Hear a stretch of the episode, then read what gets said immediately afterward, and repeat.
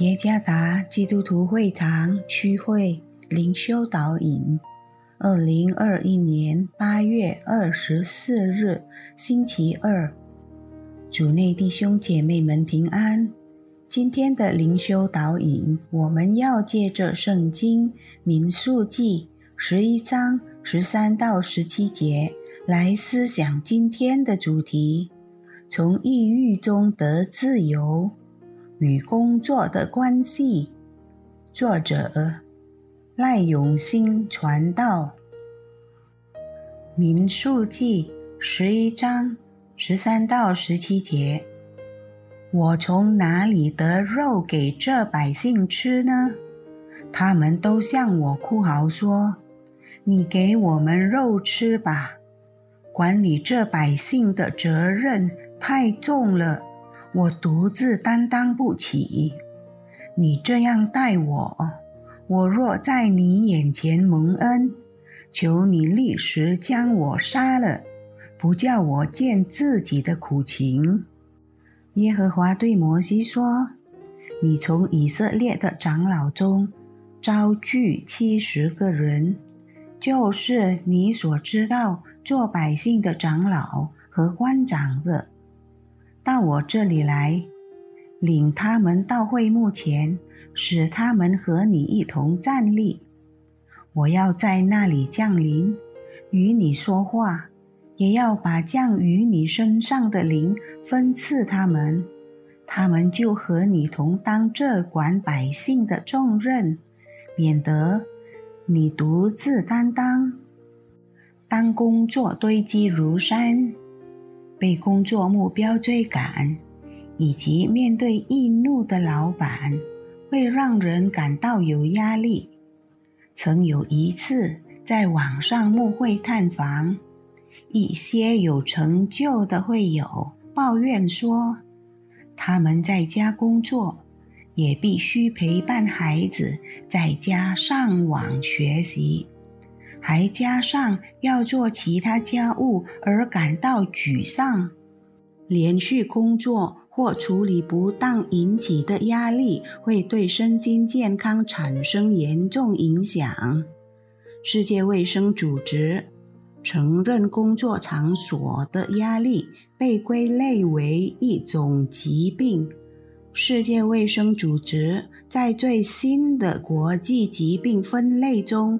将职业倦怠定义为一种概念化为工作中长期压力管理不当而导致的综合症。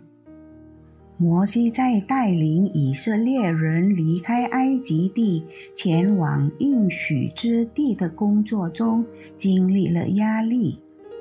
在这段经文中。摩西所带领的百姓向他抱怨讨肉吃，他们的抱怨使摩西承受了沉重的压力或抑郁，这让他说出：“这责任太重了，我独自担当不起。”然后他求上帝杀了他。第十五节。这是一份极大的工作压力。上帝对摩西的要求有何回应呢？上帝垂听他的呻吟，并回应了他的要求，但不是杀他的要求，而是为他开了一条出路。上帝是仁慈和忍耐的。上帝了解摩西的境况，他帮助摩西，他兼顾了摩西以执行他的责任。摩西终于能够从沉重的压力中走出来。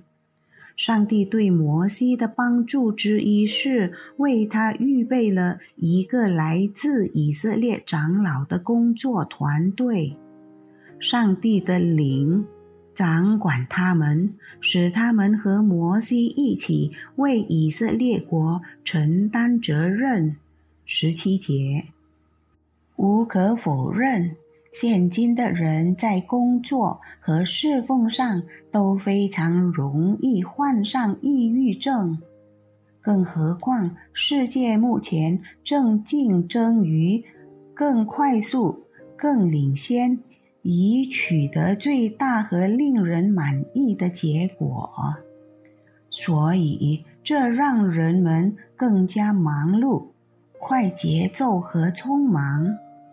这种情况的后果是疲劳、身心衰退。我们也很容易经历这样的事情，因为我们处于这样的世界。难怪我们也会因工作或侍奉而感到抑郁。我们只能向上帝呼求他的帮助。上帝可以用他的各种方式来帮助我们。其中之一是透过为我们预备相互支持、建立互补，而不是相互竞争、陷害、伤害的工作和服侍团队。向上帝呼求帮助，是减轻我们生活压力的一种简单方法之一。主耶稣赐福。